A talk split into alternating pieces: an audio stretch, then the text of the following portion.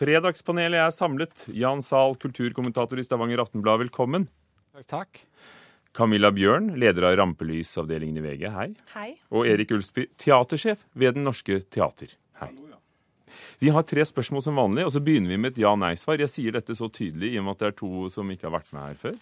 Um, vi går rett eh, på. Mens mange artister legger ut på juleturné, noen kommer også med plate. Vi hørte f.eks. The Killers, men det var fra USA tidligere i sendingen. Så har Frelsesarmeen og Kirkelig kulturverksted droppet årets juleplate. Dette selger ikke lenger godt nok. Og da sa Erik Hillestad i Kulturnytt noe, nemlig at julemusikken blir kjedeligere. Har han rett i det, Jan Sahl? Nei. Camilla? Nei. Erik Ulsby? Ja. Uh, hvorfor blir den kjedeligere av at vi heller kjøper det på nett enn å gå og kjøpe plata? Nei, jeg tror vel på en eller annen måte at det kanskje investeres litt mindre i, uh, i produksjon. og at, altså, det er klart Kirkelig kulturverksted har jo, de har jo laget veldig mye uh, som har holdt veldig høyt nivå. og Hvis de legger ned, så er jo det et symptom på at det kanskje blir litt mindre mangefasettert enn det har vært. Camilla? Altså, det er jo mye resirkulering av julemusikk fra før. Og så tenker jeg at det er en helt vanlig forflytning av uh, brukervanene våre. Vi streamer og laster ned mye mer. Uh, så nå prøver både Frelsesarmeen og Kirkelig kulturverksted å gi ut på minnepinner og digital nedlastning, og det er bra. Uh, kanskje vi får luket ut litt av de dårlige plate, juleplateutgivelsene. Hvis man ser på iTunes-lista, så er det bare gamle klassikere der uansett nå. Til tross masse nye utgivelser. Jan, er dette nødvendig opprenskning som skjer? Ja, men jeg vet ikke om det blir så veldig mye opprenskning. Altså, Julemusikken er jo akkurat like kjedelig eller bra uavhengig av hva slags format den kommer i. Så hvis du elsker jul, så kan du like godt laste det ned som å kjøpe plate. Hva, hva, hva syns du om, om, det som du har sett og hørt hittil i år, av det som har kommet? Nå høres det ut som jeg har kjøpt alle juleplatene og finlytta på dem. Det har jeg jo ikke. I vårt hus så blir det stort sett spilt gamle, gammel julemusikk. It's Snowing On My Piano av Bygge Wesseltoft og en del Elvis, og det er flott. Dere vet at NRK alltid klassisk på DAB og digitaler, og du skal sende bare klassisk julemusikk. Jeg bare nevner det. Det leste jeg om, ja. ja. Um, uh, det blir jo vanskeligere å legge det under juletreet da, når det ikke blir en CD. Men du som er um, teatersjef, i mm. Ulsby. Julen er jo en tid hvor mange kulturaktører ser sitt snitt til å, å, å få solgt alt fra juleforestillinger til, til, plater, hvis det er den bransjen de er i. Ja, ja, nei, for all del. Altså, julen er jo Hva betyr julen for deg på teatret? Akkurat nå betyr den veldig mye jobb. Uh, I dette tilfellet med Bibelen, av alle ting, som vi holder på å lage en svær forestilling av som har premiere uh, i februar. Uh, så julen blir en blanding av hyggelig og rolig familiejul og jobb. Selger det veldig bra med billetter? Bibelen? Julen? Nei, det vil jeg ikke si at den gjør i teatret. Altså, du kan si at Hele høstsesongen, altså november-desember, når mørket senker seg, er jo gode måneder for å, for å ha kulturopplevelser. Men, men selve julen, altså romjula, er ikke noe sånn salgsboom for teatret. Men dette at, eh, at platesalget har gått ned, og at en har måttet begynne å tenke nytt eh, i musikkverden, det fører jo til at alle som er glad i julemusikk, har jo unike muligheter til å høre en million varianter av julemusikk nå i desember, for det er så mange ute. Sånn at på en måte så er kanskje julemusikkfloraen rikere enn noensinne nå, fordi at alle artistene må ut på veien for å spille det live. Og du kan i større grad sitte i din egen stue og bare laste ned og klikke og velge og øh, vrake. Og det er jo sånn man liker det. Når du ser artistene som legger ut på, på juleturné, er er det, noe som slår deg, Camilla? Det slår meg at uh, det er der pengene ligger, uh, og at uh, det er mye av de samme gamle traverne som er blitt melkekuer. Og det er også der artistene henter mest penger. så det er jo det og streaming og nedlastning. Men Kirkelig kulturverksted er jo en av de som ikke tjener nok på streaming. Det er jo derfor de har fjernet utgivelsene sine fra f.eks. Vimp og Spotify. Og så satser de nå på musikkpinner i tre til 300 kroner, og det tror jeg ikke er like progressivt og smart som de nok burde. De burde ha noen sånn trendanalytiker inne og lage noe fancy planer og få gjort noe smart. Hva er trendanalytikeren deres? Hva bør de gjøre? Nei, gud, Forenkle er vel kanskje det aller smarteste. Vi skal over på et annet tema, uh, som er litt uh, alvorligere. Fordi Arbeiderpartipolitiker Roger Ingebrigtsen har uh, trukket seg fra, fra alle verv og, som kandidat fra stortingsvalget og gått av som statssekretær. To aviser er blitt klaget inn for Pressens faglige utvalg for å ha identifisert kvinnen som varslet om at de to hadde hatt et forhold. Har folk krav på å vite alt vi har fått vite den siste uken, Erik Ulsby? Nei. Overhodet ikke. Jan Sahl? Da må jeg svare ja når de er så sikre på det motsatte. ja, for hvor går den grensen, Jan?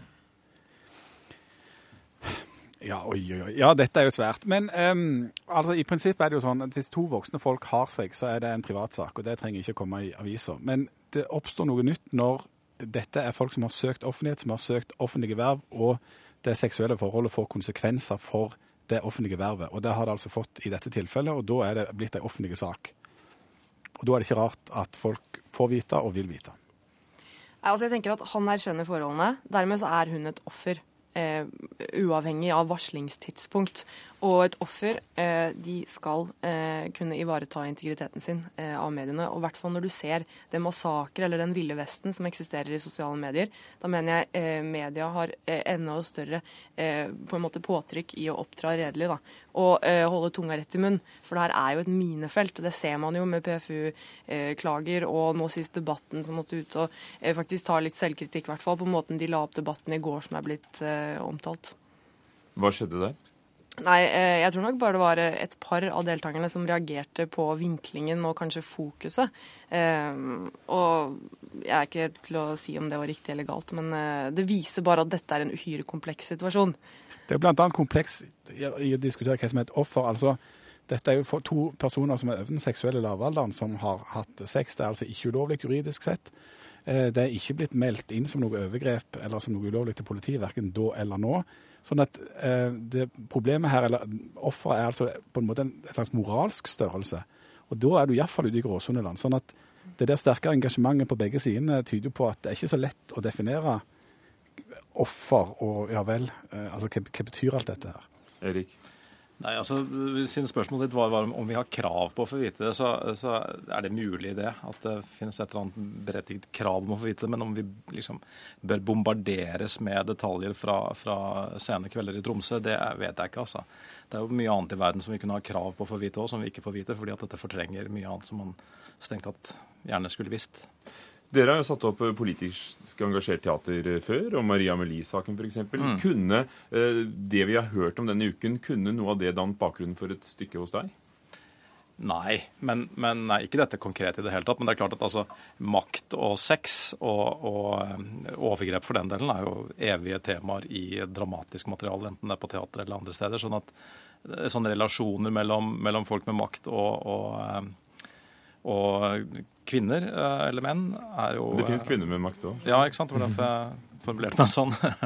Det går det tilbake til Bibelens tid. Det går absolutt tilbake til Bibelens tid. Definitivt. Sånn at, eh, ja. Men Camilla, den unnskyldningen eller årsaken noen har gitt for å, begrunnelsen for, for, å ha publisert navnet på denne kvinnen, er jo nettopp at det står overalt ellers. Det er bare å gå på internett, så finner du det. Men det holder ikke, mener du? Nei, jeg mener at desto viktigere er det at pressen er varsomme eller har tunga rett i munnen i sin Vi, vi kan jo ikke gjøre som Facebook eller Eh, Twitter. Jeg, nå, nå, snakker jeg 100 eh, på egen regning. Jeg syns det har vært hårreisende, noe av de affektutspillene som har kommet frem, eh, og som har stått på Facebook-sidene til parter og som profilerte personer har kommet med. Og jeg, jeg syns om ikke at det burde sette fokus på en ny debatt om hvordan vi ytrer oss i det offentlige rom i sosiale medier. For jeg syns at denne saken viser at folk handler veldig mye uten å tenke. Eller nødvendigvis vite alle sider av en sak. Og jeg mener at vi overhodet ikke har krav Eh, på å kanskje vite hennes identitet eller se hennes bilde. Hvorfor skal eh, det faktum at de innledet et forhold da hun var 17, eh, måttet festes ved henne i all evig tid i ettertid? For sånn er det på internett. Men at folk vil skrive veldig mye dumt på internett i framtiden, uansett hva vi måtte liksom, tenke eller mene om det, det sånn vil det jo være. Det er, liksom, det er jo vill vest, det er ikke noe vi får gjort noe med. så... Men man trenger ikke å henge seg på samme lest? Nei, nei, helt, nei. Enig, jeg er helt enig i at uh, mer seriøse medier burde mm. absolutt uh, finne en annen måte å gjøre det på. Og det har både, både VG og Stavanger Aftenblad, ikke sant, Jan Sahl? Jo, og til og med den eh, personen som, den ene av de som, eh, som identifiserte, har jo nå slutta med det, pussig nok. Sånn at um, ja. han har jo liksom blitt litt jomfru igjen. Apropos jomfruer. Danmarks kulturminister har klaget datagiganten Apple til EU-parlamentet etter at eh, Apples eh, nettbokbutikk sensurerte bilder av nakne dansker fra hippietiden. Det var en bok med bilder fra den danske hippietiden. Eh, og så kom forfatteren og sensurerte sine egne bilder. Han satte på epler da, på brystene og i skrittet på alle disse glade danskene som lå på stranden på 60- og 70-tallet. Og det sensurerte Apple også. Må vi finne oss i mer puritanisme og dobbeltmoral fra amerikanske nettgiganter, Jan? Nei. Camilla? Nei, men kanskje ja, dessverre. Erik? Nei, det må vi absolutt ikke. Men uh, han står jo ganske maktesløs, denne kulturministeren, og han må opp til EU og vet ikke om han vinner frem? Ja da, nei, Sånn sett så er jeg jo enig med, med Camilla her i at uh, Nei, men ja, sånn blir det nok allikevel. Altså, iTunes er blitt en gigantisk eh, makthøyblokk eh, som eh, nye medier og en enkelte medieoutlets ikke kommer utenom eh, når man skal nå prøve å nå brukere på alternative plattformer. De er en betalingsløsning som eh, begynner å tukle med redaktørens rolle. Da. Og det, Dermed så havner jo denne saken på et helt sånn prinsipielt nivå, eh, og som har vært en debatt lenge.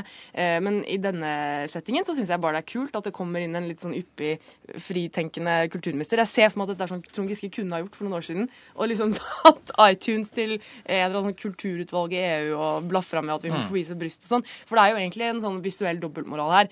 Fordi vold og alt det der slipper jo ofte gjennom på iTunes, men så kommer du med litt pupper eller kjønnsorganer, og da er det fullt ramaskrik. Fra samme instans som har da tjent millioner på f.eks. husmorpornobølgen. Ikke sant? Men, men eh, ja. Men her, altså Det er en svak, et svakt sagt ekko fra den forrige saken. her, Men, men dette handler jo òg altså om moral og gode hensikter Og et godt eksempel på at de gode hensiktene og den, den høye moralen da får helt sånn forfeila og helt kokeliko konsekvenser. Fordi at amerikanere er altså livredde for at noen uforvarende skal komme over pornografi eller nakne kropper eller et eller annet som de blir støtt av, og dermed så innfører de et forbud og noen regler som i praksis blir helt ko-ko. Og Det er altså den gode hensikt som gir helt feil resultat. Og Det er noe alle bør tenke på når uh, vi skal bli for moralske og for regulerende. Hvor, hvor går grensen for nakenhet på, på, scenen til det norske? Ja, det varierer jo veldig. Altså alt fra jeg håper å si, full nakenhet på veldig mange mennesker rett i ansiktet på folk, til at man finner uh, mer subtile uttrykk. Det... Du, du, så disse bildene, ikke sant? Ja, jeg har sett bildene. Kan ja, du beskrive dem for oss? Nei, altså Det med, med eplet tenker du på nå? Nei, hva Altså de er jo veldig uskyldige. Det er jo ikke noe som jeg reagerer på, for å si det sånn. Det er ikke noe skreving? Det er ikke noe Det er uh, pent og pyntelig. Men um, nei, altså den grensen den var, det kommer helt an på kontekst. Altså Vi skal lage von Triers Antichrist på teatret hos oss. Uh, og vil jo finne helt andre uttrykk enn filmen valgte, for å si det sånn, når det kommer til nakenhet. Har du noen forklaring på hvorfor Amerika, som nærmest oppfant moderne pornoindustri, uh, ikke samtidig har så strenge regler eh, for sømmelighet eh, på andre områder? Det er jo en ekstremt puritanistisk nasjon. altså De er veldig prega av den puritanistiske bakgrunnen sin, som vi på Vestlandet kjenner veldig godt til. Eh, så, så dere kunne ikke trykket disse bildene, mener du? Jo, vi kunne sannsynligvis det, men, men Stavanger Aftenblad, grunnlagt av Lars Oftedal, har hatt ganske strenge regler på hva en kan trykke både av språk og bilde opp igjen. Ja. Men jeg tror vi har sett masse lignende bilder. Disse ser jo helt uskyldige ut. Og tenker jeg, eh, I VG så berører vi jo faktisk eh, iTunes eh, ganske mye via betalingsløsningen vår VG+. Og vi hadde nylig en sak om en norsk-amerikansk pornostjerne, Vicky Wett. mest fulgte nordmann på Twitter? Helt riktig. Mest fulgte kvinne, norske kvinner på Twitter. og den føk rett gjennom iTunes-sensuren. Så her så er, er, det liksom Det er ikke så svart og hvitt som den, den frisinnede danske kulturministeren vi hadde til. Uh, så det er i hvert fall verdt å merke seg, da. Ja, for det er jo porno. Mm. Det var ikke ja, glade ikke, danske hippier. Det var jo tuftet i journalistikk, og det var ikke noe pornografisk i VGs Det var faktisk et eh, veldig godt portrettintervju. Ja, var, var ja, du syns det? Veldig bra. Godt å høre. Nei da. Men så, ja. Det fins flere sider av samme sak her. Men, men, men hvorfor er det så farlig i Amerika, tror du? Jeg tror det går mer på prinsippet at det er jo dobbeltmoralsk. Jeg er jo oppvokst i Arizona i sånne Tea Parties vugge. Og jeg, jeg, altså, det var jo så mye dobbeltmoralsk. Ja, ja, og de kunne stå og predikere om uh, Gud, og så kunne de ta seg en litt uh, pott uh, bak kirken. Så jeg tenkte bare ja, ja, her er det rom for alt mulig. Mm. Erik Ulsby, hvorfor er det sånn? Nei, altså Det med den amerikanske dobbeltmoralen, det er jo en, en historisk Eh, det er et historisk faktum på et vis. sånn at eh, de følger nok en ryggmargsrefleks når det kommer til den type ting. Men jeg vet ikke også, altså, ja, jeg vet ikke om de vil beskytte beskytte merkevarer, eller hva de holder på med. Og de ble kanskje litt sure at det var nettopp epler ja, det er noe med det at på en måte ja, det er, de er, Da er det altfor tett på Bibelen og Gud og alt det der. vet du. Så det blir det bare rot. Og firmaets egen logo, kanskje. Takk skal dere ha, Fredagspanelet. Jan Zahl, kulturkommentator og journalist i Stavanger Aftenblad. Camilla Bjørn, leder av Rampelys i VG og Erik Ulsby, teatersjef på Det Norske Teatret. Det var Kulturnytt for i dag.